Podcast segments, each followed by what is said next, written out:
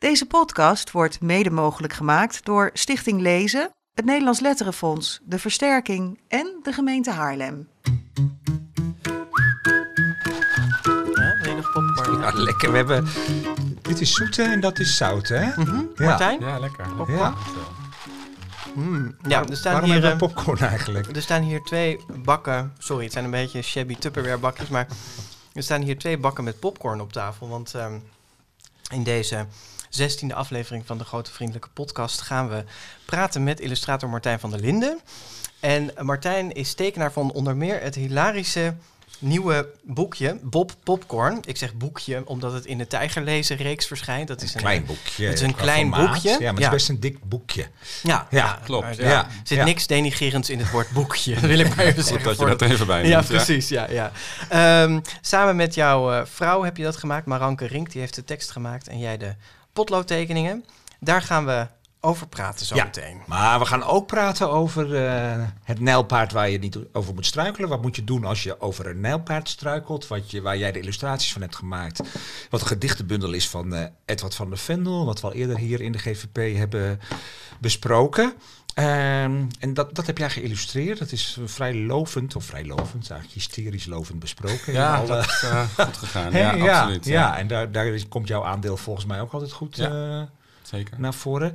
Je hebt dit, dit, dit heel nou ja, uiteenlopende, in een hele uiteenlopende stijlen eh, geïllustreerd. Is, is het illustreren van gedichten, is dat heel anders dan het illustreren van een proza verhaal? Ja, zeker heel anders. Ik vind het heel erg leuk om te doen, omdat ik eh, meer vrijheid voel bij het illustreren van gedichten. Omdat eh, ik het idee heb dat ik niet letterlijk iets hoef te laten zien. Nou hoeft dat bij prentenboeken ook niet.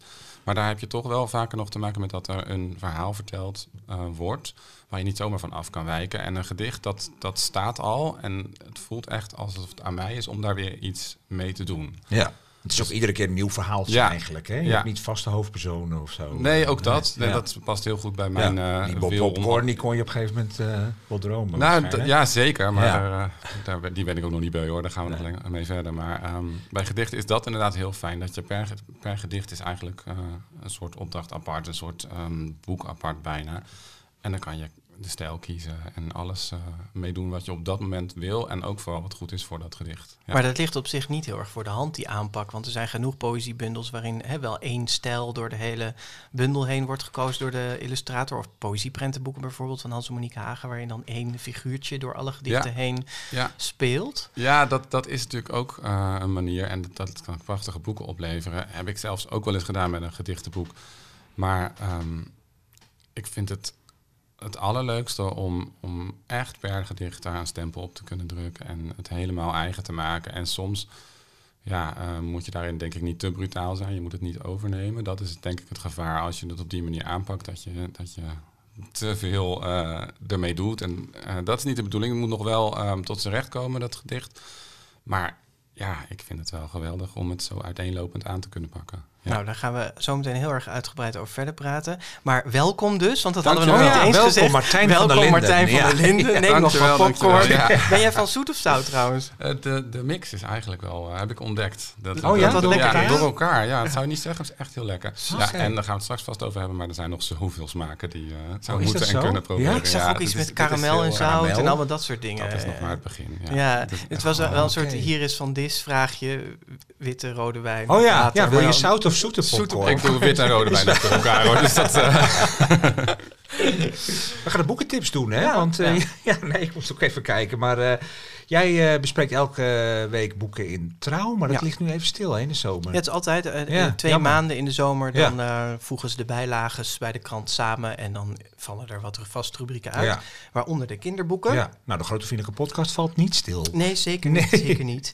En, ehm, ehm, eh, dus ik ben wel heel erg blij dat, want er verscheen voor de zomer echt best wel veel opeens. Hè? Ja. Dat, en ik stop dan zeg maar begin juli met de bespreking in de krant.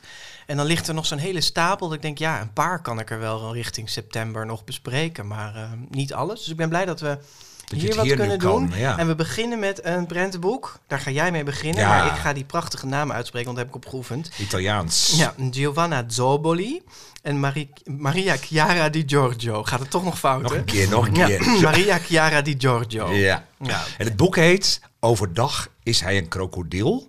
Een prentenboek. hè? Een prentenboek is het. Ja, het is uitgegeven bij de wat onbekendere uitgeverij Flamingo.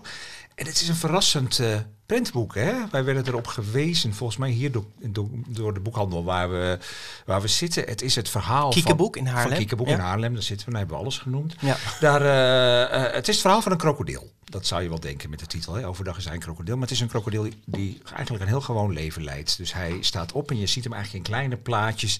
Zie je hem het hele dagelijkse ritueel doen. Dus hij stapt uit bed, hij gaat ontbijten, hij eh, kleedt zich aan, zet een hoed op, gaat de deur uit. Nou, tot zover is het nog eigenlijk gewoon heel erg een krokodil die gewoon het leven van een normaal eh, mens voert. Hij Het is een menselijk bestaan. Hè, Echt een hij menselijk heeft. bestaan. Hij gaat eh, de, de stad door, dan komt hij in de metro. En dan, als hij in de metro is, denk je ineens even rek. In die metro zie je door de raampjes van buitenaf getekend. Hé, er staat ook een giraf in de metro. En eh, ook een nijlpaard. Weet je, dat is toch wel een, dan, dan een beetje gek wel. Weet je, maar die gaan ook gewoon tussen de, de mensen. En gaan blijkbaar ook naar hun werk of, of hebben eh, nou ja, iets te doen. En eh, de krokodil die stapt vrolijk verder. En dan zie je hem uiteindelijk een bosje bloemen eh, kopen. En het is allemaal in zo'n stripachtige met kleine plaatjes, zwart-wit kleur. Eh, zie je hem een park binnenlopen. Dan geeft hij de bloemetjes aan het meisje bij de balie. Ja. Maar dan weet je eigenlijk nog steeds niet waar gaat dit naartoe. Want eigenlijk gebeurt er in het hele boek niks. Weet je, hij is gewoon onderweg. Hij is onderweg. Dan denk je, wat gaat er gebeuren? Nou, en, en die plot is gewoon zo waanzinnig Die gaan we verklappen. ja, we gaan hem wel hè? verklappen. Dat kan Ja. bij een prentenboek, denk ik wel. Maar het is zo goed gedaan. Hij gaat dan eh, nou ja, een ruimte in, een soort kleedkamer, zoals je naar het zwembad gaat. Dan staat hij bij van die kleedhokjes. Hij doet zijn pak uit. Hij doet een handdoekje ook echt om. Hij doet een handdoekje om. En dan doet hij wat oefeningetjes om zich een beetje op te warmen. Dan blijkt hij dus in de dierentuin te zijn. Want overdag is hij een krokodil. In de dierentuin. In de dierentuin. Dan komen dus de mensen daar, hij is gewoon naar zijn werk gegaan om een krokodil te zijn in de dierentuin. Ik hoop dat het net zo grappig klinkt als dat het ook leest. Want het is echt heel grappig. En ja, de echte titel is Professione Crocodilo of zo. Of Crocodile. Maar in ieder geval Profession Crocodile. Hè. Dus het is beroep krokodil. Nou ja, hier wordt het overdag. Is hij een krokodil. Het is Dus eigenlijk een spannender titel, hè? want Ja. eh, de Italianen geven het dus meteen weg. Ja. Wat, wat Hij is. speelt en dan zie je hem ook op zo'n laatste prent, zie je hem nou, echt zo'n krokodil spelen. Weet je, met Ja. van die enge tanden. En dan ligt hij ineens helemaal bloot als krokodil zo. En dan zie je ondertussen de oma en een meisje, wat in de tram ook al waren, zie je...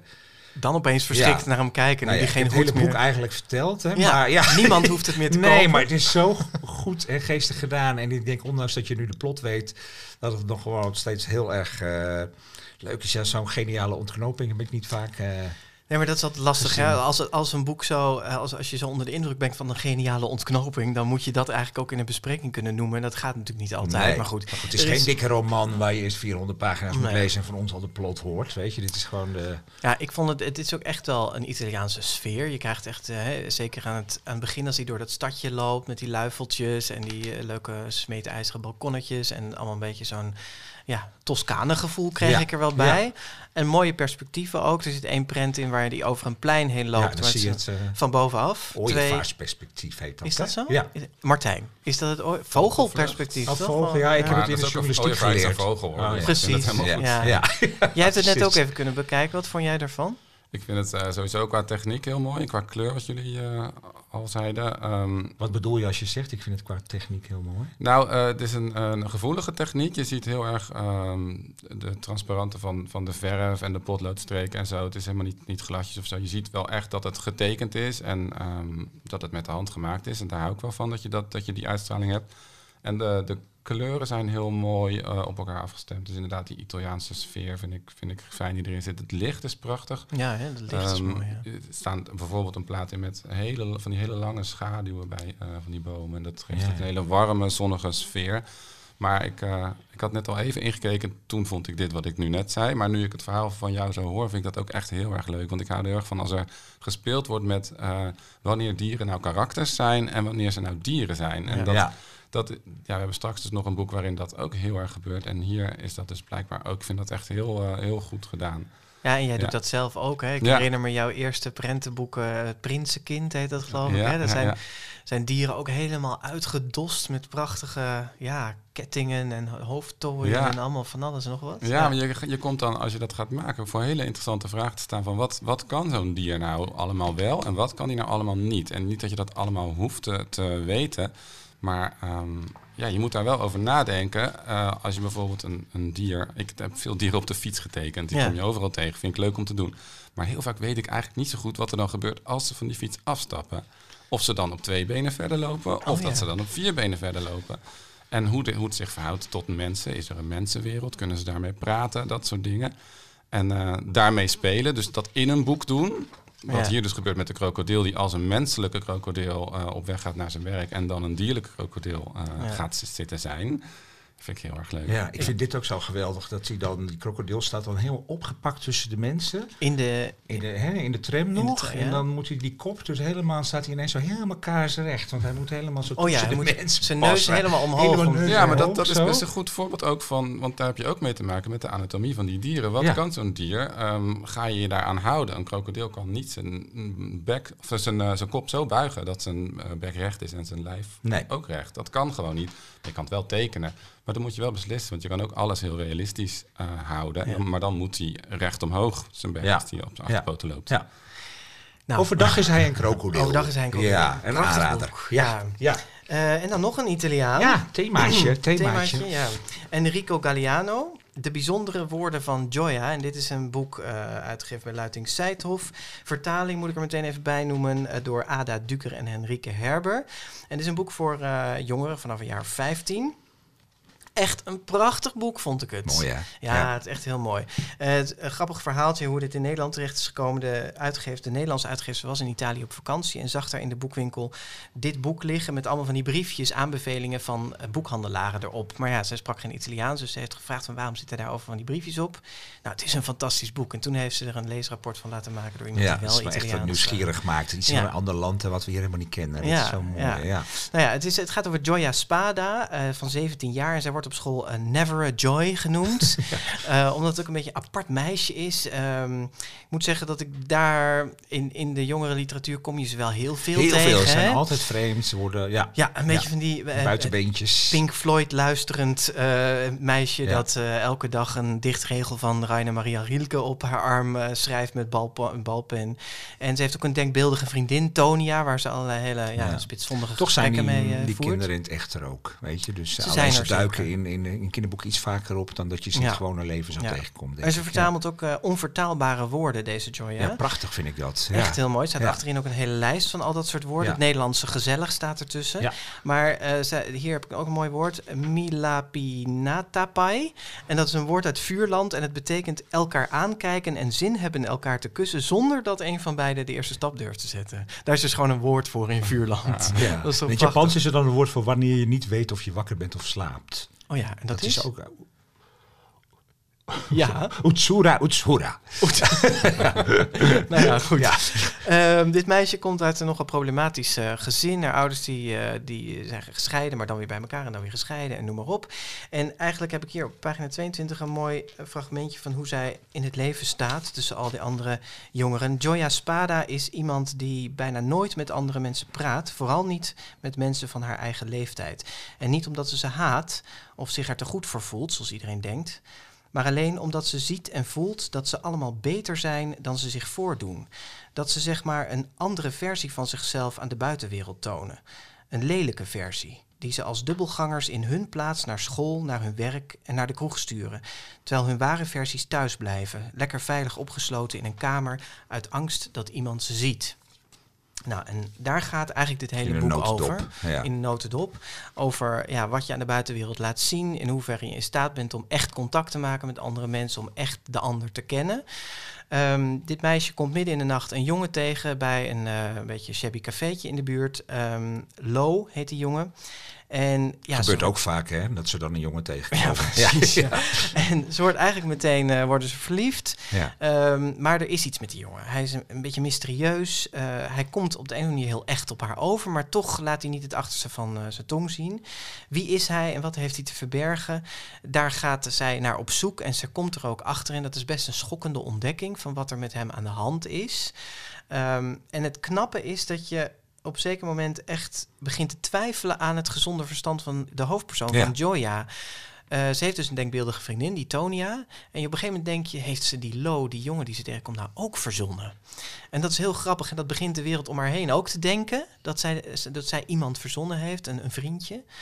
Eh, maar goed, daar komt, ik ga verder niet te Nee, veel zeggen, want nee. anders leg ik te veel uit. Maar ehm, er wordt hier eh, om me heen al geschud van het lachen, omdat ik altijd heel veel uitleg.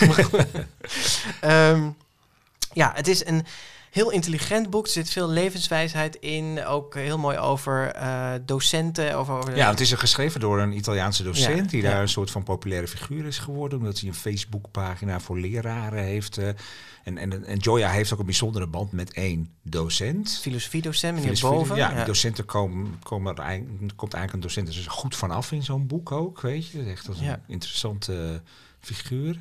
Ja, het is toch wel boeiend dat het weer zo'n Italiaans, ook weer zo'n Italiaans boek is. Daar hebben we niet zo heel veel Nee, we hadden, eh, hoe heet hij ook weer? Christian Fracella, een aantal jaar geleden. Ja, ja.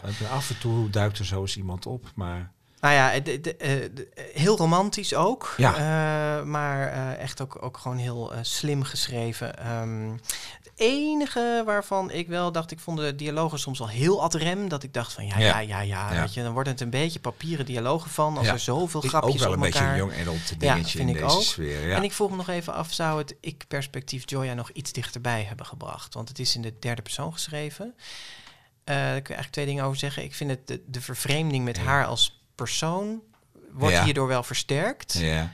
Maar soms had ik ook wel het idee van als het nou in de ik-vorm was geschreven, had ik misschien net iets meer in haar huid gezeten. ja. Nou, ga ik over nadenken. Ja, doe dat. Ja. De bijzondere woorden van Joya. Ja, Enrico van Galliano. Galliano, Ja. En dan hebben we nog een spannend, eh, nou ja, echt een verhaal. Jonathan Auxier, moet ik zeggen. Hè? Ja, de Veger, het verhaal van een meisje en haar monster. Dat is uitgegeven bij uitgeverij Billy Bones en vertaald door eh, Esther Ottens. Ottens, Ja. ja. En het is een boek voor kinderen van van jaar of eh, negen. En het is echt zo'n lekker leesboek. Gewoon een spannend avonturenboek. Het gaat over een meisje, eh een schoorsteenvegersmeisje, dat tussen een groep van jongens eh, opgroeit. Haar baas, de, de veger heet die, die is aan het begin van het boek is al duidelijk dat die weg is. Die is om duistere reden Uit haar leven verdwenen. uit haar ja. leven verdwenen. En zij zit dan bij een hele strenge, nare baas. En, en nou ja, leidt eigenlijk een vreselijk eh, Speelt uh, leven. Het Victoriaans Victoriaans Londen. Londen. Ja, ja, dat is heel mooi eh, gedaan. En dan komt er een beetje een gek element. Want op een gegeven moment ja, zit zij vast in een schoorsteen. Gebeurt er iets vreselijks. En daarna heeft ze een kooltje. Even de kop- dat heeft ze gekregen. Van, het klinkt heel gek als het vertelt. Het is Ja. eigenlijk ook zo. Maar in het boek wordt het heel normaal. Ze heeft zo'n kooltje. Heeft ze van de veger gekregen. Als een soort reliquie eh, aandenken. Dat komt tot leven. En eh, nou ja, dat is eigenlijk dat, dat monster eh, Uit de titel. uit de titel. En dat is een, ja, een wezentje, Charlie. Charlie heet hij, ja. ja. zo Ja. noemt ze hem geloof ik zelf. Ja, Charlie.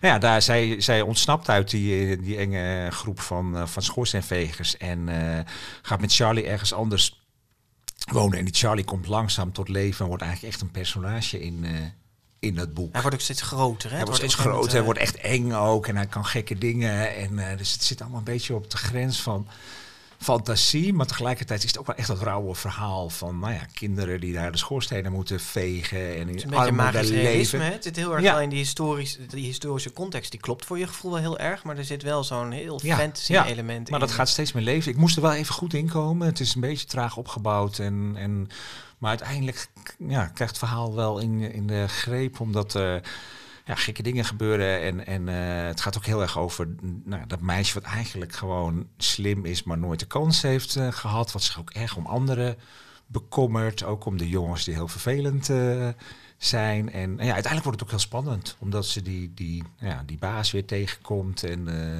Ja, ja. Spannend. En, en wat ik ook mooi daaraan vond was dat eh, Charlie, eh, die komt op een aantal, aantal momenten in de aanraking met de buitenwereld. Ze houdt hem eigenlijk een beetje verborgen voor Ja. iedereen. Maar dan wordt hij eigenlijk meteen als monster gezien. Terwijl hij voor haar heel... Dierbaar, Dierbaar is. is. En, ja. En eh, daar zegt ze op een gegeven moment ook iets over van... Ja, ehm, ehm, eh, mensen zagen mij ook altijd als het vieze schoorsteenvegertje dat niks kan. eh, terwijl ze kan lezen en ze is Ja. natuurlijk een heel eh, fijn kind. Want anders was ze niet de hoofdpersoon van dit boek. Ehm, en ja, zagen mensen maar door de buitenkant ja heen. dus dat, soort ze- gelaagdheid zit er ook echt wel in. Dus het Ja. gaat ook wel ergens over. Ja, het is gewoon een, een, een, een lekker spannend leesboek wat ook nog ergens over... En wat, wat is hij nou uiteindelijk? Want het is niet echt een monster, maar een, een soort ja, een golem. Ja, noemen ze Gollum, hem. dat is dan een Joodse traditie. Is dat een soort figuurtje? Nou, ik ga er nu dingen over zeggen die waarschijnlijk niet... Laten we dat maar niet doen, die er niet helemaal kloppen. Dan moet je even Wikipedia op na- naslaan. Maar dat speelt wel een belangrijke eh, Ja. rol in, de, in, het, in het boek ook. Dus Ja. hij is niet zomaar een gek fantasiefiguurtje... maar staat ook wel weer ergens, eh, ergens voor. Ja. Maar hij is er wel echt, toch? Of is het toch een Ja, fantasie? jawel, want anderen zien hem ook. Ja, Ja, dus hij bestaat wel. ja. Ja. Ja, en dat is een goede vraag, want dat vraag je soms wel een beetje af ook. Maar anderen zien hem ook en ze willen hem eigenlijk ook verborgen houden. Ze vinden het ook heel eng als anderen hem zien. En dan ja, is dat ook wel gek, maar uiteindelijk vinden anderen hem dan ook wel weer Ja, aardig. En hij is ook een soort redder. Maar wat eigenlijk door het boek heen speelt, is dat zo'n golem, daar komt ze op een gegeven moment ook achter. Zeg je dat zo? Golem? Ja, of golem? go- golem of golem, Ja, dat is een Jiddisch geen woord natuurlijk. Dat hij het uiteindelijk niet overleeft, dat weet zij ook. ja, dus hij is er, hij is gemaakt om, om jou te helpen, Helpen, speciaal voor ja, jou. En daarna verdwijnt hij. Dus dat dat, is is natuurlijk ook heel heel dramatisch. Ja, ja. Nou ja, we hebben er veel over gezegd. Ja. Ehm, maar echt in in de categorie lekkere avonturenboeken. ja hè? met, een, met een wat diepere laag. Ja. Ja. Hey, soms geven we eh, boeken weg die we hier bespreken op onze sociale media accounts. Dus alle reden om ons daar te gaan volgen op Twitter, Facebook, Instagram of Goodreads. En dan kun je ons vinden onder de schuine streep de GV podcast. En alle gegevens over, eh, over deze boeken vind je natuurlijk ook, dat zeg ik elke uitzending Jaap, Ja. op de grote vriendelijke Dat podcast. is ook heel belangrijk. NL. Ja, Ja. moet gekeken worden. ja, zeker. Martijn van der Linden, onze hoofdgast van Mag ik nog nog popcorn? dit keer. Ja. Als je maar niet smakt, eh, Bas. Oh, een beetje. Martijn, al tijdens je studie illustratie aan de Willem de Koning Academie in Rotterdam, waar je nog les kreeg van eh, onze vorige tekenaarsgast, Philip Hopman. Klopt, Klopt ja. toch, hè? Ja, Ja, het is altijd fijn ja. dat het klopt ook, wat hier staat. Kreeg je je eerste opdracht van uitgeverij Lemmeskaat, het om- illustreren van het opslag van Vals Beschuldigd van Joyce Paul. Dat was in 2000. En eh, in de 19 jaar daarna hebben we je nou ja, leren kennen in, met talloze kinderboeken in verschillende stijlen. En dat, ja, dat kenmerkt jou ook vooral, hè? Die, die verschillende technieken en stijlen in al die boeken. Samen met je vrouw Maranke Rink maakte je printenboeken, waaronder Tangram Kat, waarvoor je twee jaar geleden het Gouden Penseel kreeg. En zij een zilveren griffel. En zij een zilveren Ja, griffel. Ja, Niet en, eh, en eh, ja, ook belangrijk om te zeggen. Nou ja, en met Edward van der Vendel, zoals eh, genoemd, eh, eh, maak, maak je nu...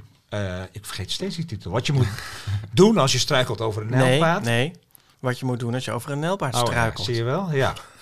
Eh, en eerder maakte je met hem stemmen op de Okapi, de wat, nou ja, waar je misschien een klein beetje kunt vergelijken, omdat er ook al die verschillende stijlen in staan, waarvoor Ja, jullie de ja, Woutertje zeker. Pietersen prijs kregen. Nou, dit is mijn introductie. Ja. Van Nou ja, jou. Prachtig klinken. Ja, hè? geval, Ja. Weten we even Ja. met wie we aan tafel Ja, zitten. precies. Ja. Maar eh, Jaap zegt het al, die aanpak eh, die komt best overeen. Ehm, in de zin van dat je schilderde daar of tekende daar de okapi in allerlei verschillende vormen. Ja.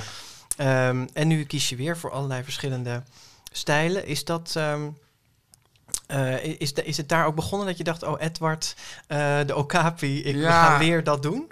Nou ja, eigenlijk min of meer kan je wel zo, zo zeggen dat het, eh, dat het zo is gegaan. Ehm, ja, zoals ik in het begin al zei, ik teken heel graag in verschillende stijlen. Alleen het wordt niet altijd gewaardeerd binnen één boek, zeg maar. Ik krijg niet vaak de mogelijkheid om dat te doen.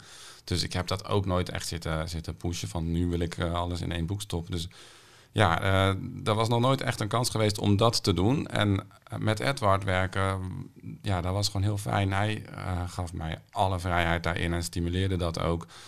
door op een gegeven moment ook te zeggen van hier neem jij acht spreads in het boek en ga die maar vullen met, met alles wat je kan bedenken rondom de okapi. Waarmee ik ook nog meer bevestigd werd in die vrijheid van, van oké, het wordt is gewenst dat ik dit doe. Ik kan dus nu. En ja, dan, dan eh, die kans heb ik gegrepen. En voor mij was het natuurlijk ook wel een beetje een, eh, nou ja, niet een test, maar wel gaat dit werken? Ga je hiermee een boek krijgen wat eh, toch ook echt een eenheid is en wat gewaardeerd wordt? Of ja, kunnen mensen er niks mee. En, en kom ik erachter waarom ik dat dus niet eerder had gedaan. En ehm, ik denk dat, het, dat ik wel bevestigd ben in dat eh, zo'n boek eh, heel goed kan. Dat het bestaansrecht heeft. En je moet ook wel, denk ik, in de gaten houden dat het een eenheid blijft. Er zijn eh, ja, allerlei dingen voor die je kan doen. En bij Okapi was het dat de hoofdstukken, die waren natuurlijk wat langer dan de gedichten in het Nijlpaardenboek, maar de hoofdstukken zijn in dezelfde stijl geïllustreerd. Ja, en wat is het hier dan? En ja, hier heb je natuurlijk geen hoofdstukken. Dus hier is iedere pagina is toch wel een soort van andere... Um, oh, waardoor het een eenheid, wordt. Ja. ja. Nou, um, bij het Nijlpaard is het zo dat ik... Het zat heel erg in mijn hoofd, hè, want dit het moet wel een eenheid worden. Ik heb ooit ook een keer bij een ander boek...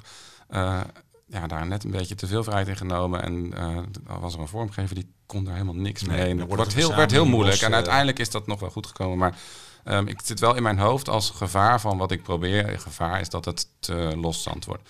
Dus ik had bij het Nijlpaard uh, vanaf het begin bedacht van ik moet een aantal regels uh, voor mezelf bedenken. En ik wilde um, alles surrealistisch doen. Hele boek. Dat was mijn uitgangspunt. Van wat je ook doet, je kan technieken kiezen, composities. Maakt allemaal niet uit wat je doet, materialen. Als het maar surrealistisch is. Dat is een deel van wat ik leuk vind om te doen. Ik dacht, laat ik al die andere dingen die ik ook wil doen, laat ik gewoon gaan. Um, maar, maar dat is de eerste, nou zeker tien illustraties zijn dat ook. Um, en uh, nou, op een gegeven moment stond het wel, daar zag ik het zo en denk ik, nou dit staat nu wel zo stevig, dat ik me bij de laatste gedichten weer wat meer vrijheid kon uh, veroorloven. Maar toen wist ik het, toen wist ik wat de basis was van wat ik deed en dat is het surrealisme. En dat ik daarna toch ook nog ben gaan stempelen en een beetje wat meer, ja stripachtig is niet het goede woord, maar dingen die helemaal niet surrealistisch zijn, mm -hmm. die konden er toen bij. Maar ik had het nodig om een... Uh, een, een basis ja. daarvoor. Dan is het grappig wel dat de cover heel realistisch is. Super realistisch is. Ja, nee. Nee? Nee. Want, want... Nijlpaard, even voor de mensen die niet kennen, maar er staat onze nijlpaard aan zoals ja. wij een nijlpaard bedenken. Ja, en toch is hij niet uh, uh, realistisch. Hij is wel behoorlijk realistisch, maar ja. hij is surrealistisch. En um, dat zit hem in zijn houding, dat zit hem in zijn uitdrukking en dat zit hem zeker in zijn ogen. Want um, als je naar een nijlpaard kijkt, dan zal je nooit deze ogen tegenkomen. Okay. Bijvoorbeeld het oog, oogwit wat hij heeft. Ik zie niet dat hebben ze niet. Maar nee? nee. nee. heel gek, nee. nee. Maar ze hebben gewoon zwarte ogen, bedoel je? Of, ik, ik denk dat als ze heel erg omhoog kijken, dat er, dat er misschien nog wel een randje wit is. Maar dit is wel echt een soort menselijke ogen ja, die ik erin heb getekend. En oh, goed, uh, het is ook een uitdrukking die ja, ik, ik vraag me af of een Nijlpaard het voor elkaar krijgt om zo te kijken. Misschien ja, als ze dat, deze uh, voorkant gezien maar hebben. Niet super, je zal het met ons eens zijn dat het niet super surrealistisch Nee, is. Hè? Dus uh, je hebt er nee. iets geks mee gedaan. Nee, Je hebt er ja. niet een vervreemd, echt een heel Nou, echt moet ik wel zeggen dat er eigenlijk nog een heel uh, verhaal achter zit. Want het, Ja. uh, het omslag, soms gaan dingen heel makkelijk, en zijn ze echt, en dan, dan werkt het gewoon, en soms gaat het heel moeizaam. En bij dit omslag, ja, eh, lukte het niet helemaal. Zeker niet in één keer. Ik heb nog vier andere omslagen gemaakt Ja. daarvoor.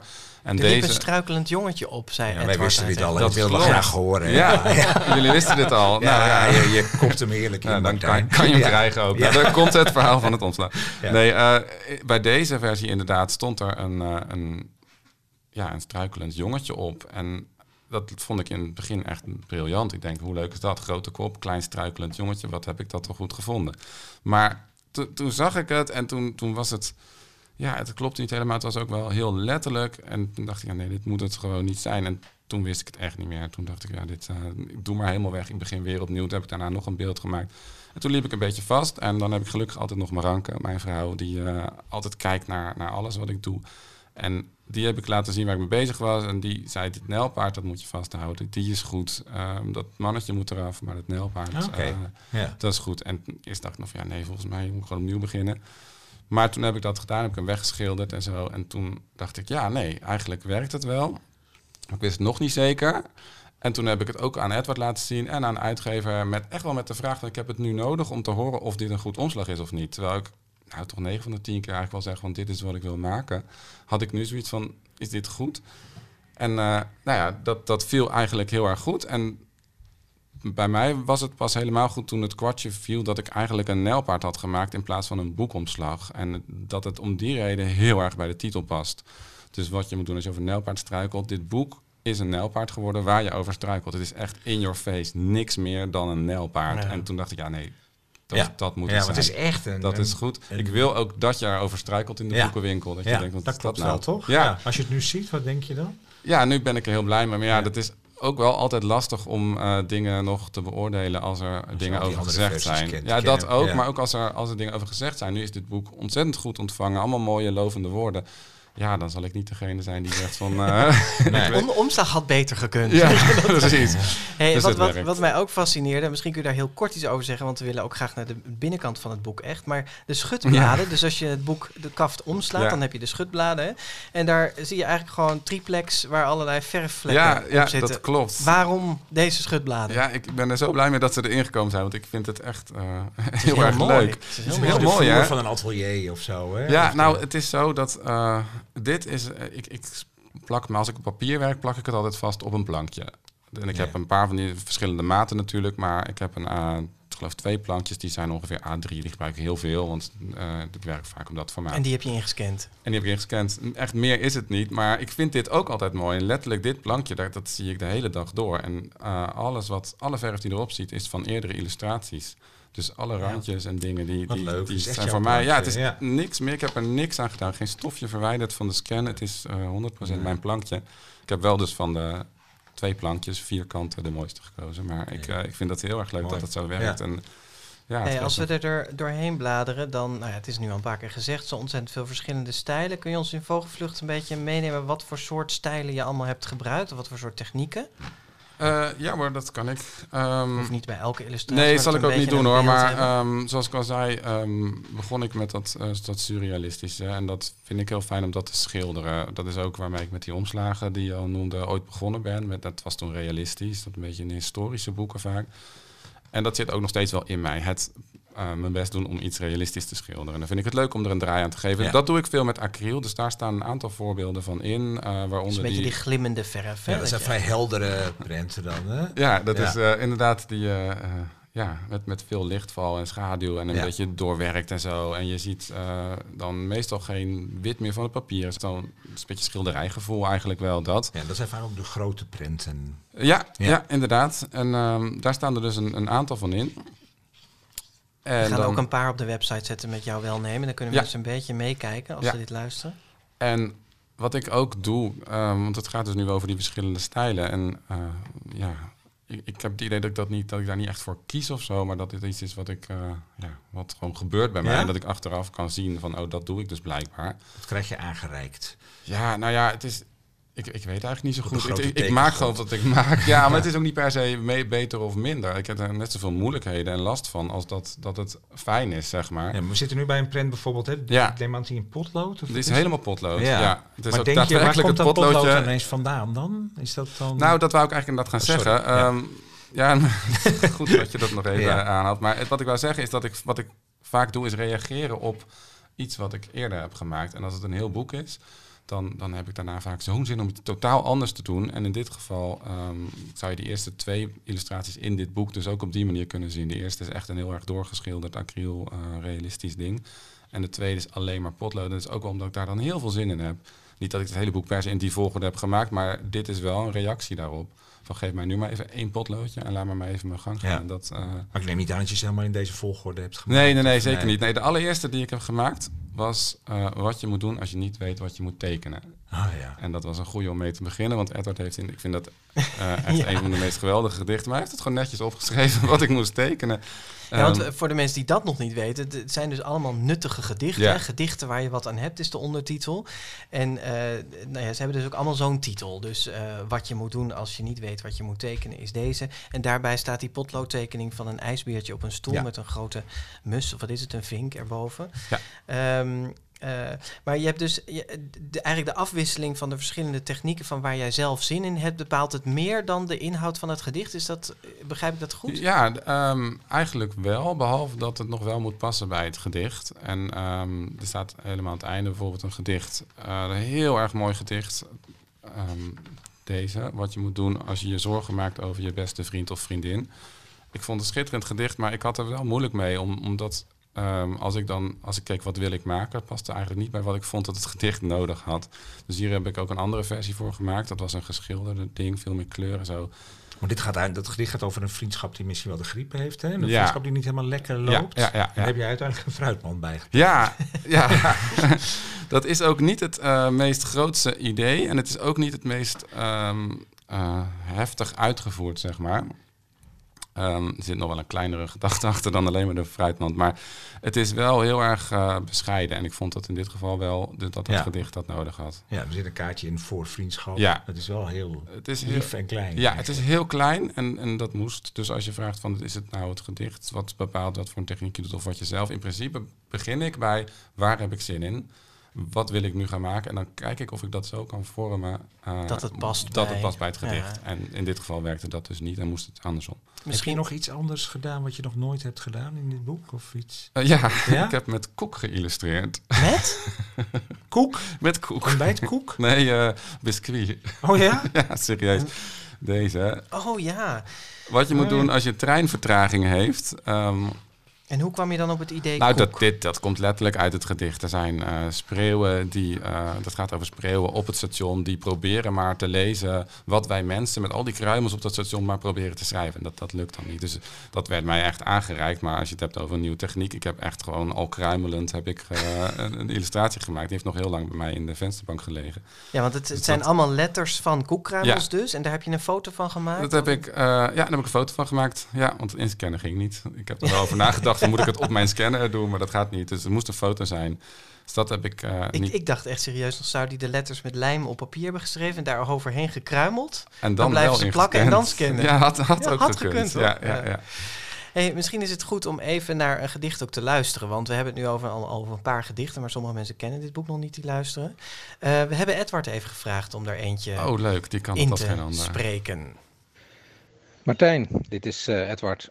Zoals je weet ben ik echt overgelukkig met al je tekeningen. Vooral ook met de variatie erin en met de eigenzinnigheid. Ehm, ik denk dat we, dat we elkaar herkennen, het plezier ervan. Ik in ieder geval waardeer dat heel erg in jou. Ik bedoel dus dat ik een gedicht maak en het dan aan jouw genade overlever. En dan kom je altijd met iets prachtigs. We hebben het eigenlijk niet zo heel erg vaak over waarom je nou die specifieke keuze hebt gemaakt bij een bepaald gedicht. Dus ik wilde je vandaag eh, een van de gedichten voorlezen. En eh, misschien eh, kun jij iets meer vertellen over waarom je dan het beeld daarbij hebt gemaakt wat je hebt gemaakt. Het is dit gedicht. Wat je moet doen als je opa steeds meer vergeet. Opa heeft een gummend hondje in zijn hoofd. Zo stel je je dat voor. Dat is hoe je het gelooft. Dat hondje veegt met zijn pootjes en zijn vacht en zijn staart over alle gedachten die opa bewaart. En zo grumt hij die uit. Beetje hier, beetje daar. Dat hondje is nogal een speels exemplaar. Maar wat opa na het gummen nooit gaat vergeten, is dat wat hij altijd moet blijven weten. Jouw knuffels, waarmee jullie de knuffelcup winnen. En als dat hondje bij opa van binnen ouder wordt, groter en wilder elke keer, dan train je met opa gewoon nog wat meer. Eerst worden jullie kampioen van Europa, daarna van de wereld en tenslotte van de hemel, van de kleine en de hele grote beer. Ja, prachtig. Ja, Mooi wanneer gedicht. heb jij dit gedicht, hoe krijg je zo'n gedicht gemaild van hem of hoe werkt dat en wanneer lees je? Nee, ik zie Edward eh, ja, regelmatig en hij levert mij dan steeds, eh, of levert het aan, dat klinkt zo stom, maar hij, eh, de allereerste heeft hij me zelfs allemaal voorgelezen, maar dat is echt al, denk ik, vijf jaar geleden. Dus zo ja, lang gaat heel dat lang mee bezig geweest. Ja, die heeft hij mij voorgelezen en vanaf dat moment wist ik, oh, dit gaat, eh, dit Ja. gaat super Maar je worden. krijgt een aantal gedichten tegelijk. En dan gaat dat, hoe gaat dat dan in het hoofd van meneer Van der Linden? Nou, ik moet zeggen dat ik wel iemand ben die dingen eh, tot op het laatst bewaart. Dus ik moet, ik moet het wel een beetje bij elkaar zien. Ik heb vrij veel eh, zo af en toe gedichten, gedichten gekregen, maar ik moest het wel een soort laten liggen tot ik het grote geheel een beetje kon zien. Misschien ook om die eenheid te bewaken. Denk het, ja. En om te voelen van wat ga ik met, met alles tegelijk doen. Want eh, dat werkt voor mij beter dan dat ik al ga beginnen als ik eigenlijk het einde niet zie. Of zo. Nee. Ik moet wel een beetje overzicht hebben. Hey, maar Ehm, dit gedicht, ja. want hij hij leest dus dat eh, prachtige gedicht over de opa met zijn hondje. En daar, misschien kun jij beschrijven wat we zien op de pagina. Ja, ehm, ehm, ik, nee, ik zal vertellen hoe dat gegaan is eh, met dit gedicht. Want mijn allereerste associatie was, omdat ik al, eh, ik denk dat ik dit gedicht als vijfde heb gemaakt ongeveer, had ik had al twee potloodtekeningen erin staan. Ik zat daar lekker in met potlood. En ik wilde eigenlijk niks liever dan deze ook met potlood doen. Omdat het echt gaat over het uitgummen Ja. van, van gedachten en, en herinneringen en zo. Ik denk, nou, dat, dat komt goed uit. Ik had zelfs net een elektrische gum gekocht. Ik denk, nou, die kan ik gebruiken. dat? Ja, dat Ja, bestaat, ja. Ik heb hem ook echt daadwerkelijk in dit boek ergens één keer gebruikt en daarna niet meer. Want het is een beetje onzinnig Klinkt ja. Ja, eh, dit gaat dan draaien. Je kan hem zo Oké. linken. Nou, Ja, dat blijf eh, even bij dit ja. Ehm, ik wil het heel graag, maar het mocht van mezelf niet, omdat het eh, geheel wat er lag, die, die vier, vijf gedichten, gingen een beetje de wat sombere kant op of zo. Wat, eh, een beetje zwaar misschien of zo. En ik dacht, dat gaat nu niet eh, helpen als ik er weer een potloodtekening aan toevoeg. Ik heb het nodig om even de andere kant op te gaan. Ehm, dus ik, ik ben eigenlijk maar wat gewoon gaan tekenen. Maar wat ik wel overhield aan die gedachte van dat gummen, is dat ik graag die ehm, opa wilde laten zien. En dat zijn hoofd gewoon heel, ja, heel letterlijk. Het is, eh, stopt eigenlijk op een gegeven moment en overgaat in het niks. Gewoon net wat ik anders had gedaan met een gum. Vlak boven de wenkbrauwen. Hè? Ja, daar, daar is, is leegte. Zijn schedel is Toch een beetje, ja, Ja. ja. Ja. Ja, het klinkt vrij plat als je het zo zegt, maar het is wel een, eh, het idee wat ik eigenlijk van het begin af aan al voor me zag. En daar dan ergens dat hondje. En eigenlijk was ik niet van plan om al deze illustratie in één keer te maken, maar was het meer een soort schets waar ik mee bezig was. Het ziet er ook heel schetsachtig uit. En ik had die, eh, die opa getekend. En dat hondje dacht, ja, daar moet ik gewoon nog even over nadenken. Maar voor nu teken ik even een, eh, een hondje op. En die was Ik meteen goed. En, ja, dat, maar dat verbaasde mij ook. Ik vond hem goed, maar ik was van plan een veel realistischer. Want ik zat nog in mijn surrealistische, eh, alles moet surrealistisch eh, wet, zeg maar. Dus ik dacht, nou, deze moet niet, maar ik moet veel realistischer. Maar toen eh, stond hij daar. Toen dacht ik, ja, eigenlijk is het wel leuk. Ik vind het niet een heel aangenaam hondje geworden.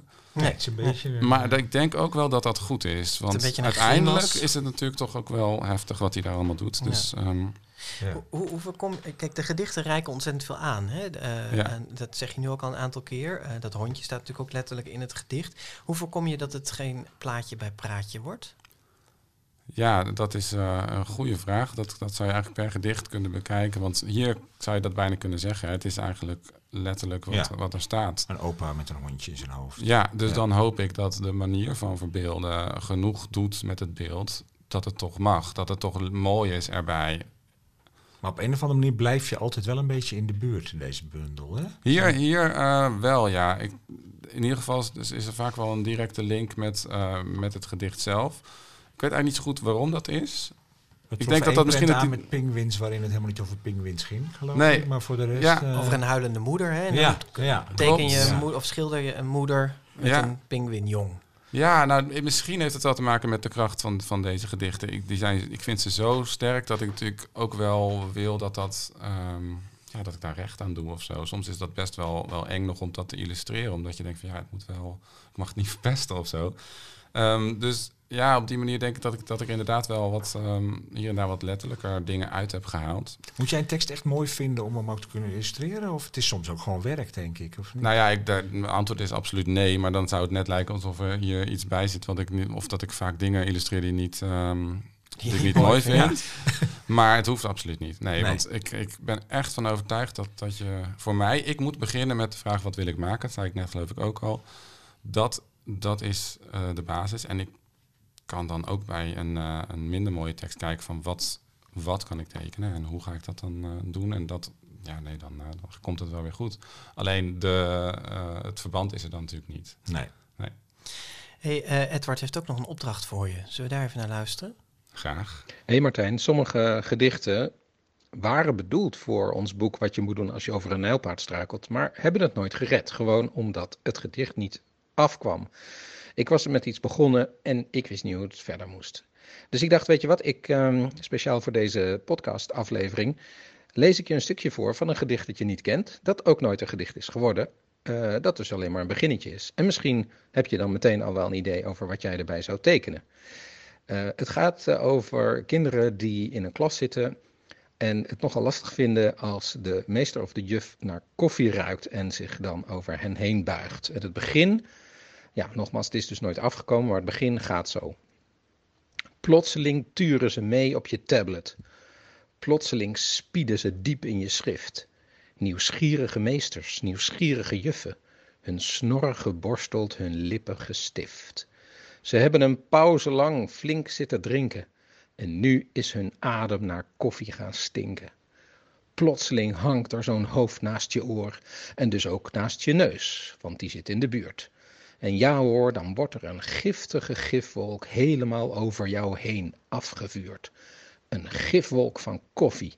Je lost erin op. Een mondkoffie gasaanval recht op jouw kop. Ja, en toen wist ik het dus niet meer. Uh, heb jij een idee wat je hierbij zou maken? Zo, uh, ik, vind, ik, vind, hem af eigenlijk. Ja, ik vind hem eigenlijk ook wel ja, af. Ja, ik dacht ook, hij is klaar. Ja, ja, had er zo in gekund. Ja. Ja. Maar wat is het eerste beeld wat er nu in, de te in het tekenaarshoofd opkomt? Ja, is, is uh, toch wat hij zegt uh, te gaan overdrijven. Dus een soort... Um, maar er komt, ja, het is een heel rauw beeld wat er nu in mij opkomt. Dus dat laat ik even achter, achterwege. Maar iets dat die, dat die stank waar hij het over heeft... een soort grote uh, wolk wordt, maar dan niet, niet zo zeg maar om ons heen, maar echt over een, een hele wereld heen of zo. Dat, het, dat je de, ja, een landschap ziet met een enorm gifgroene wolk um, die daar boven drijft. En op een rotspunt een klein mannetje wat daar dan... Uh, ja, Be beetje surrealistisch wel eigenlijk. Ja, zou een goede aanpak zijn. Ja. Zoiets, ja. Ik, ik, uh, ik, maar vaak zijn het ook niet de eerste ideeën hoor, die ik uh, dan uit, uitwerk. Nee, nou ja, deze staat er niet in, dus deze hoef je Had niet... van mij wel weer, vermogen, vind hem erg leuk. Hij is leuk, ja. hè? Ja. Ja. Nou, voor het Nelpaard deel 2. Ja, um, precies. Uh, die stijlen, al die verschillende stijlen, die, het is natuurlijk fantastisch dat jij dat kan. Um, je zult het maar kunnen, denk ik dan altijd Ja. als ik er doorheen blader. Um, maar ja, commercieel is het misschien weer niet heel erg handig, omdat je daardoor ook wat minder herkenbaar bent als, Klopt, ja. uh, Ja. als illustrator. Hè? Uh, wij spraken Maranke en die zegt er het volgende over. Martijn doet heel veel verschillende dingen en heeft daar overal evenveel plezier in. En ik denk dat als je dat um, voorop stelt, dus dat je, je wilt werken en je wil daar echt plezier in hebben en jezelf uitdagen en ja, de vrijheid uh, voelen en pakken, dat is wat hij heel goed kan. Maar het is natuurlijk niet uh, uh, altijd handig of zo. Als je volgens mij nu zoiets, weet ik veel, illustratie studeert, dan wordt er gezegd, je moet je eigen stijl ontdekken en je moet je eigen beeldtaal hebben. En ja, Martijn heeft er een heleboel. en dat is eigenlijk gewoon heel leuk. We hebben jaren geleden hebben we echt wel eens gezegd, oh, moet, je niet veel meer één, één bepaalde kant op en daar dan helemaal voor gaan. Maar dat, ja, zo werkt het gewoon niet. Juist die veelzijdigheid maakt dat ik ook niet altijd weet wat er wat, u, wat u dan gaat maken. En um, meestal verrast hij me dan in heel positieve zin. En soms zeg ik ook wel, oh nee zeg, dat, uh, dat had ik zo niet in mijn hoofd. Of dat werkt volgens mij helemaal niet. Maar meestal, um, ja, verrast hij me zeker en is het uh, erg mooi. Meer mensen hebben er niet gesproken om je heen. Dit was het. Ja, ja, ja. Maar je knikte wel meteen toen ze zei van ik heb wel eens, uh, ik zeg wel eens dat het niet helemaal goed is. Oh ja, zeker. Ja, maar, maar dat, dat zei ik ergens in het begin ook al, geloof ik. Maar zij is mijn klankpoort, mijn allereerste klankpoort. En ik vind het heel fijn dat zij uh, dat durft. Dat zij streng durft te zijn. Of dat ze gewoon... Zij, zij zegt echt wat ze ervan vindt. En daar heb ik ontzettend veel aan. En ik begin zo langzamerhand ook wel mijn, mijn blinde vlekken een beetje te herkennen. Um, en zij kijkt uh, ook heel erg naar hoe komt het over wat je hebt gemaakt. En veel minder naar um, techniek of kleur of compositie. Al die dingen waar ik dan soms me een beetje in kan verliezen. En dat je dan vergeet van, is het nog wel aangenaam? Vaak gaat het daarover. Ja, is het ja. nog wel aangenaam?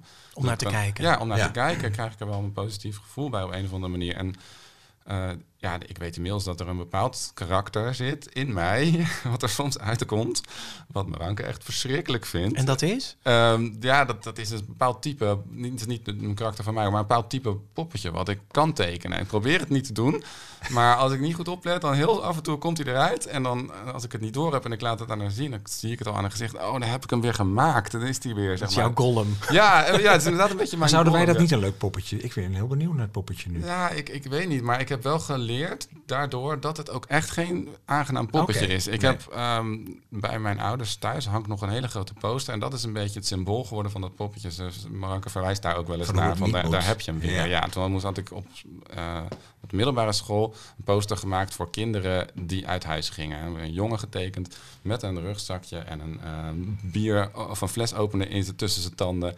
Een vrij dikke neus en een, een beetje stoere uitdrukking. Nou, die jongen, Die wil ze nooit is, meer nee, zien. echt. Die wil ze altijd slaan als ze die ziet. Het is echt, ja. Dus die, uh, maar goed, dat, dat weten we inmiddels. Maar verder is het, uh, ja, het is gewoon ontzettend fijn. Zoals met dat omslag voor het Nijlpaard. Dan, dat is echt dankzij Maranke dat ik daar dan uitkom. Ja. Dus dat, uh, Maar zij zegt van, we, we hebben er wel eens over gehad dat we naar, of het niet handiger is om naar die ene stijl. Hè? Want het is Ja. meestal wat wij over beginnende illustratoren zeggen. Van nou is lekker bezig, maar moet zijn stijl nog, moet zijn stijl nog vinden. Ja. Maar dat dat is bij jou wel een beetje raar om nog te zeggen na 20 jaar en al je prijzen. Ja, en, hè? nou ja, ik, of ben je nog steeds op zoek naar die nee, stijl? ik, nee, ik geloof niet dat ik op zoek ben naar mijn stijl. Ik hoop dat dat ook niet hoeft, maar het is wel absoluut waar dat het eh, ook echt heel lastig is wat ik, hoe, hoe ik het heb aangepakt. En dat daarmee sommige dingen ook gewoon heel, heel moeizaam gaan. Want Ja, want ik weet als ik een Philip Hopman zie, toch Ja. meestal van dit is een Philip Hopman. Ja. En dat is bij jou gewoon. Nee, maar ik kan er ook echt niks aan doen. Het is echt wat, wat ik is je doe. vergeven, hoor. Ja, nou dankjewel. Dus ik, ik heb het echt niet het idee dat ik het erom doe of zo. Natuurlijk zit er ook iets heel fijns aan en dan kan ik, ja, ik ben niet gauw eh,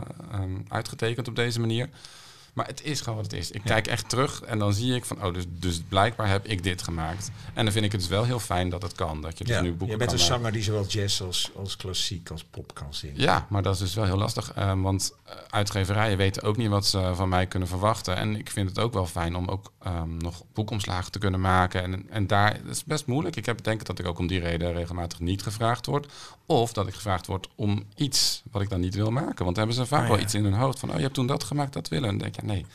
Ik snap het ook wel. Ik zou ook niet weten wat je met mij moet als, als illustrator. Maar heb je het zelf? Het klinkt wel alsof je het zelf inmiddels een beetje omarmd hebt. Van dit is het gewoon. Ja, zo, maar, zo dat, ben ik. ja dat, maar dat is wel echt van de laatste nou, eh, vier jaar, vijf jaar dat ik zeg van dat ik hoef er niet tegen te strijden. Ik hoef niet eh, te kiezen. En dat heb ik al vaak gedacht van ik Mhm. moet van wat ik doe iets kiezen en daarop voort. Anders dan gaat het nooit goed komen.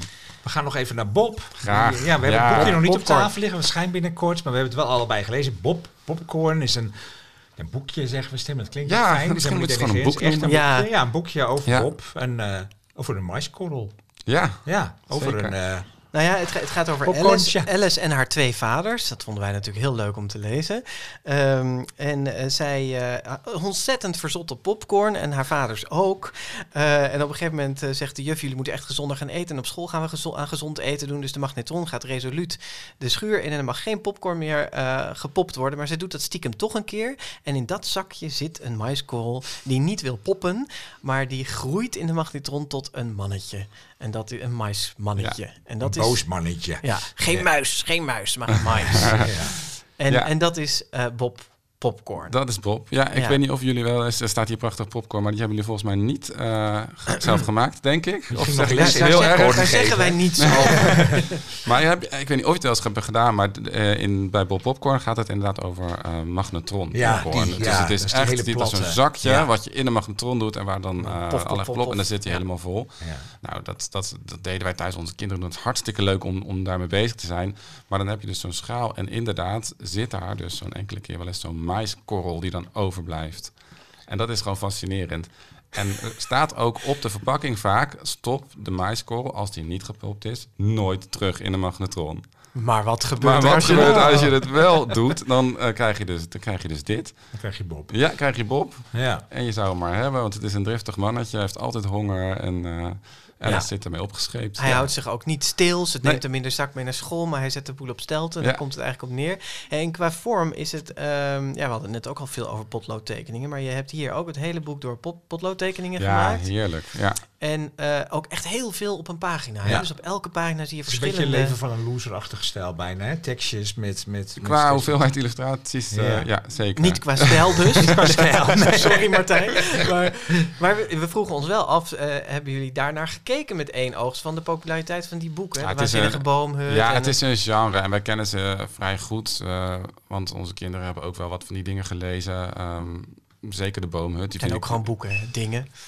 Oh, sorry. Nee, dat ik bedoel dat helemaal niet, eh, niet denigrerend. Ik bedoelde meer series eh, met het woord dingen. Maar Ja. ehm, ik, ken de boomhutboeken in ieder geval erg goed. De loserboeken ken ik niet. Maar de, de boomhut vind ik zelf ook wel iets heel leuks in hebben. En dat genre, dat, dat spreekt ons sowieso heel erg aan. Het, het grappige, spannende, gezellige, fijne eh, boek... waar kinderen gewoon heel veel lol aan hebben om het te Ja, het lezen. is een licht slapstick. Ja, weet je, dat, dat gevoel. Ik vind dat heel prettig. Ja, en ook echt het samen maken dan. Hè? Want Ja, het, het is ja. dus ook, jullie eh, tekst en illustratie nemen en het verhaal soms ook van elkaar over. Ja, ja, het is voor ons wel weer een, een, een nieuw soort eh, samenwerking geweest. We hebben veel prentenboeken gemaakt, eh, een paar uitstapjes gedaan, maar dit hebben wij nog nooit eh, zo gedaan dat we het ook helemaal samen opbouwen en dat we, eh, ja, wat je zegt, tekeningen en tekst, het verhaal samen vertelt. Jullie hebben uren aan tafel over de maiskorrel zitten praten. Ja, echt eh, heel erg. Ja. En eh, onze kinderen zijn er ook heel erg bij betrokken, dus die hebben in alles meegekletst en... Ja, dat, Ik zat me eh, wel af te vragen, dit is zo'n boek met een soort grenzeloze gekte, hè? waarin alles kan, maar wij, Ja. ik- je wilt ook niet over de rand gaan. hè? Nee, nee, dat nee. lijkt me best lastig. Nou, ik denk niet dat dat ons gevaar is. Ik denk juist dat wij die gekte wel heel erg eh, mogen gebruiken en toelaten. Omdat die andere kant, dat, dat komt vanzelf uit ons. Als wij dingen maken, dan is het eh, ja, vaak wat gewichtiger of zo. Wat, wat eh, Wat serieus. serieuzer. Dus als wij die grens overgaan, dan zullen wij, wij zullen niet zo snel, denk ik, een boek maken wat te eh, plat Nee, is. zo. als Dat- jullie het al gek vinden, vinden wij het toch helemaal niet zo gek. Dat denk ik, Ja. ja. Dus wij mochten best wel daarin een- ja, een, beetje, een beetje ver gaan voor ons gevoel. En ehm, Nou, dat is hier wel gelukt, want er gebeurde echt wel maffe... Ik vond het heel erg leuk. Ja, ik vond het ook heel leuk. Ja, Ja. ik ben ook zo ontzettend blij met het boek namelijk. En eh, ja, we zijn er nog lang niet klaar mee. We gaan er een serie eh, van maken. Komt er, zijn- er komt de volgende, Er komt zeker een deel dat- dat 2 weet en je een op de deel plan, 3. ja? Ja. Ah, Oké. Dus ja, ik hou echt van dat ventje. Dat is echt... eh, Ja, ja. wat, wat, ik ook nog, wat me ook opviel is dat het vrij stripachtig is hoe je tekent. En met Ja. tekstballonnetjes, bewegingsstreepjes zitten erin. Het is, heb je daar ook iets mee met, met de strip? Als... Nou, ik wou vroeger wel altijd striptekenaar worden. Ehm, maar dat heb ik helemaal losgelaten eigenlijk op een gegeven moment. Dus ik heb dat nooit gedaan. Er staat er toevallig in het Nijlpaardenboek één strip. En dat is mijn eerste gepubliceerde strip, zeg maar. En eh, die, ehm, die beeldtaal vind ik ook wel gewoon heel leuk. En die tekstwolkjes heb ik ook heel weinig nog gedaan. Ehm, en hier dus wel. En vond ik superleuk. Ja, heel erg leuk om dat te kunnen doen. Bewegingsstreepjes zijn er ook, maar probeer ik wel altijd heel erg weg nou, maar ze houden. zitten erin, toch? Ze zitten erin. Ja. Ik heb dat ooit, eh, lang geleden, ehm, ik geloof in een, ik weet niet, in een filmpje heb ik het Max Veldhuis horen zeggen over bewegingsstreepjes. Hij zei, het is gewoon niet nodig. Hij gebruikt het volgens mij ook nooit met kikker en met eigenlijk alles wat hij deed. En hij zei, als het niet nodig is, dan hoef je, moet je het niet doen. En sinds die tijd zit er ook wel een soort dingetje op. Ik hoor hem dat altijd zeggen als ik een bewegingsstreepje doe. Dus eh, Maar het geeft het wel een soort snelheid of Ja. zo. En dat is wel... Zeker. Fijn. En sommige dingen krijg je ook niet in beweging eh, zonder die eh, streepjes. hoor. Dus er zitten er genoeg in Bob Popcorn. Als je dan ze moeten tellen, dan eh, ben je even bezig. Maar Er zit ook een heel, heel gave illustratie in, vind ik, van Bob... die op een soort pakje chocolademelk of zo ligt... en dan het rietje torent boven hem uit... en daar sproeit een soort... ja, dat heeft hij goed voor elkaar. En hij ligt Ja. daar met zijn mond en die spoel, dat, dat spul komt precies in zijn bek. Ja, dat vindt hij zelf ook. is echt, hier heb je echt heel veel plezier in. Hè? ja, man, dit is echt zo leuk. Want jullie hebben zo'n hele serie gemaakt met Memory Konijn en, en Tangram Kat. Hè? Ja. En, en, en dat is wel klaar. Nou, wie weet ooit, maar voorlopig hebben wij hele andere eh, Ja. projecten staan. Ja, we Het zijn waren prentenboeken bezig. gebaseerd op een bekend Spelletje. spelletje. Ja. Ja. Ja. Grappig. Ik ben heel erg benieuwd naar het eh, vervolg. Ik wil nog wel even weten waar de twee vaders vandaan kwamen. Waar ze dat, is, vandaan dat is persoonlijke interesse. Toch grappig dat je dat vraagt. Want eh, wij hebben daar in dit geval eh, voor gekozen. Maranke heeft daar in eerste instantie voor gekozen. Maar wij vinden dat allebei juist een hele prettige keuze. Maar eigenlijk gewoon omdat het kon. Want ik ben een groot voorstander van dat dat zoveel mogelijk allemaal in, in boeken terecht moet komen. Diversiteit, maar het kan, ja. diversiteit, maar het kan gewoon voor mijn gevoel niet altijd. Het past niet of het krijgt dan juist meer aandacht dan je zou willen. En hier was het gewoon naadloos erin zonder dat het... eh, ja, dat daar een reden voor is. Ik heb ook het gevoel dat het verder er niet toe doet. Dat het een heel gewoon eh, gezin is met z'n drieën. En dat die vaders... Ja, voor mij maakt het ook alleen maar leuker. Want vader en moeder tekenen is, is wel, hebben we wel wat vaker gedaan Ja, dan twee vaders weet je tekenen. En je krijgt daar toch net even wat andere karakters mee. Maar juist door ze ook weer heel gewoon te maken... Ja, hoop ik eigenlijk dat het ook niet zoveel aandacht krijgt. Hey, je Dat, vindt het eh, grappig dat ik het vraag, maar het komt gewoon echt nog best wel heel weinig voor. Hè? Ik weet, dat, ik weet ja. dat ook wel. Ja. Maar ik dacht Ja. eigenlijk dat, eh, dat je dan misschien zou denken van... dan ga ik het ook bewust niet noemen. Want dan eh, is het nog normaler of zo. We noemen hier alles maar. Oh ja, het is niet dat het zo ver ging. Ja, Ja. ehm, eh, waren er nog dingen die jij zelf heel graag over dit boek wilde zeggen die we nu niet gevraagd hebben? Want we moeten een beetje richting eh, de rubriek. Eh, over Bob. Nou, ehm, dat, ja, dat ik gewoon ontzettend leuk vind om aan te werken. Maar dat ook het fenomeen popcorn heel erg leuk blijkt te zijn. Dus dit boek gaat helemaal over popcorn. Maar Maar noem nog even die gekste smaak die Nou, staat. Ja. eh, de smaken zelf, dat, dat kan alle kanten op gaan. Maar Ja. wij hebben thuis ook een popcorn kookboek. En daar maken we regelmatig gerechten uit. Je kan ook popcorn eh, maaltijdrepen maken. En, en in Amerika is het natuurlijk nog veel groter. Zeg hebt maar dat er geen popcornsoep is. Ik, ik ga dat thuis meteen Ja, voor je opzoeken. Maar ik, ik ga ervan uit van wel. Want ik heb alles eh, gezien van wat je van popcorn kan maken. En het is, het is gewoon zo'n leuk spul. Er komt hier merchandising omheen, een Ja. pop- popcorn kookboek. Nou, ik, ja, ik kan je uitbouwen. Serieus ook al eh, gehoopt op een, en misschien komt hij er ooit, maar ik stelde mij zo voor van Bob Popcorn, want dat weten de mensen natuurlijk niet, maar Bob is een muiskoren, maar als hij heel boos is, Ja. Dan eh, popt hij tot een popcorn. En dan moet hij weer even rustig worden. En dan wordt hij weer En hij heeft altijd een cowboyhoedje op, hè? Ik weet niet of Ja, het al behalve als hij echt eh, ploft, Ja, dan ploft. schiet dat vast ergens heen. Maar ehm, het is wel echt een popcorn die dus popcorn kan zijn en mais. En nou dacht ik zelf dat het heel leuk zou zijn om zo'n soort washandje te hebben, die je dan maar aan twee kanten. Dat je zo'n geel washandje hebt, dat is Bob met zijn oogjes en zo. En dat je hem ook binnenste buiten kan doen en dat er dan zo'n zo'n eh, popcorn, eh, dus die hoop ik ooit op de markt te Echt, kunnen krijgen. SpongeBob, pack your bags. Precies. Hier is gewoon het Bob Popcorn. Ja. Ja. Nou, heel, heel geweldig. En ehm, eh, dit is dus Bob Popcorn, geschreven door Maranke Magnetron Rinks. Ja, zo noem ik het vanaf die tijd ook altijd. nu met heel veel Martijn van der Linden. Ja, zometeen... ehm, eh, oh, de, de, de rubriek zijn we helemaal vergeten aan het begin. Hè, van met welke illustratie ben je begonnen? Met, Ja, eh, ja, ja. Zullen we hem hier ook overslaan? Ja. Ja, doen we maar. Ja. So- Sorry Martijn, je bent dan nu de eerste gast die niet, Niet de, eerste en de, laatste zin, of de ja. eerste en de laatste Ja. tekening mag doen. Maar goed, misschien kunnen we het op, het, op de website nog zetten. Yes. Ehm, we gaan nu eerst nog even naar dit. De grote vriendelijke parel. Het enige prentenboek op onze parelplank is tot nu toe... Ik moest even over dat woord nadenken. Parelplank, is tot nu toe ja. Lotje van Lieve Baten. En dat zette Leo Timmers in januari eh, 2019 op, eh, op die plank. Maar daar komt vandaag gelukkig verandering in. Want Martijn, jij hebt een prentenboek meegenomen. Ja, zeker. Een hele mooie zelfs. Hoe heet het? Het heet eh, Meneer Tijger wordt wild. En het is eh, getekend en geschreven door Peter Brown. Ehm, het is door God maar uitgegeven. Ja, al, vertaald weet- door de ja, niet te vermijden Edward van der Vendel. nat- natuurlijk. Het is nog niet zo heel oud, hè? Nee, ik weet eerlijk gezegd nu even niet wanneer het uitgekomen is. Ik denk Nee. een jaar of 2014 vijf. zat hier, dus vijf Ja, jaar geleden. precies. Ja. Wat is er zo bijzonder aan? Nou, er is heel veel heel bijzonder aan. Ik, vind, ik ben echt een groot fan van dit boek, van zijn tekenstijl en ook heel erg van dit verhaal. Het gaat over een, eh, een tijger die woont in een stad met allemaal andere dieren. En daar, ehm, daar lopen ze rechtop. Ze hebben kleertjes aan en hoeden op. En het is allemaal heel, alles gaat heel keurig. Eh, ze gedragen zich allemaal heel netjes. Maar die tijger die vindt dat eigenlijk maar helemaal niks. Hij is ook de enige die in kleur is, hè? als Ja, er kijkt. anderen zijn allemaal een beetje, beetje Zwart-wit, ja, grijzig. eh, allemaal, ja, heel netjes. En Tijger die heeft al die mooie oranje kop van hem, maar hij vindt dat, dat keurig. Hij houdt niet van. En daar komt ja, de meest prachtige spread die ik ooit gezien heb, die je nu voor je hebt, Bas. Ehm, dat is een spread waarop je ziet dat die tijger in vier stapjes, ehm, ja, hoe zeg je dat zonder het te verraden, omlaag gaat in, in, ehm, in grootte. Dus je ziet hem links, zie je zijn hoofd en zijn, en zijn poten. Dan zie je hem een stapje verder omlaag zakken. Dan zie je alleen nog maar zijn kop. En helemaal rechts zie je zijn ogen en zijn hoed. En toen ik dat dacht, zag wat gebeurt hier nou toch?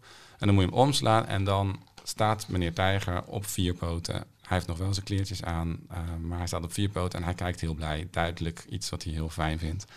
Nou, dat vond ik al briljant, want in het begin hadden we het ook even over... wat doe je nou met die dieren? Lopen ze op twee poten, op vier Ja, poten? dit, maar dit lijkt wel een beetje Ja. die krokodil. ja, zekere zeker. Daar wordt, ja. dat- hij speelt daar geweldig mee. En dan, nou, dan is hij al een stuk gelukkiger. Maar die, die andere dieren vinden dat maar niks die daar in de stad wonen. Die denken, wat, wat doet hij opeens raar? Wat gaat hij nou om zich een beetje... eh, Waarom loopt hij opeens op ja, vier opvallend poten? gedragen. En als hij dan ook nog eens zijn kleren uitgooit... Ja. Dan, eh, dan hebben ze zoiets van, nou, eh, wegwezen jij, dit kan echt niet, dit past niet bij ons. En, En dan wordt hij naar de rent naar de wildernis, gestuurd en dan krijg je een aantal schitterende eh, illustraties van de tijger, heel gelukkig in de wildernis, voelt zich steeds wilder, gaat grommen, gaat vissen vangen, gaat tijger zijn. Fantastisch. En, Wat is dit voor stijl qua tekenen? Em, dit is, ja, hoe zou je het noemen? Het is digitaal gemaakt. Eh, ik denk dat, dat hij met de handstructuren heeft gemaakt en die digitaal heeft bewerkt. Zo zou ik het. eh, Ik eh, las dat hij eh, zich heel erg heeft laten inspireren ook door ehm, achtergrondtekenaars van Disney. Kan je ook wel zien. Ja, Ja. wist ik niet, maar kan je wel duidelijk zien. Ja. Maar het is ook heel, ehm, ja, heel grafisch, Grafisch, eigenlijk. hè? Ja. Ja. Dus een berg is niet een, een, een beetje een rommelige berg. Een berg is echt een soort halve Ja, cirkel. zijn en, vormen. huizen zijn ook meer patronen. En het bos ja, het bestaat ook meer uit eigenlijk een soort blaadjes en zo. Komt er bij jou ooit een computer aan te pas? Eh, ja, ja, soms wel. Ik, eh, meestal niet. Ja, eigenlijk dat.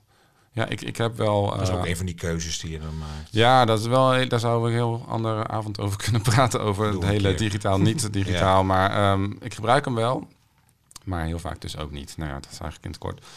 Pieter Brown, meneer Tijger wordt wild. En er is nog een onvertaald prentenboek van hem dat je zelfs ook je meegenomen hebt. Dat ligt hier. En ehm, dat gaat misschien binnenkort, je hebt ervoor geijverd dat het in My het Nederlands Teacher komt. is a monster. Het ziet er ook weer prachtig Ja, uit. en volgens mij heet hij eigenlijk maar Teacher is a Monster, No I am not. Oh ja, dat staat er Ja, hier ook achter. en dat, Ja, ja. alleen dat, al, dat, dat, dat kan ik Ja. zo vaak in mijn hoofd Ja. herhalen om een soort perspectiefwisseling in een titel te doen. Dat vind ik echt fantastisch. Fascinerend uit ook Ja. weer. Ja. Mijn juf is een monster, zou het dan denk ik worden, want het is een... eh, Nee, dat ben ik niet. ja, precies. Ja. Nee.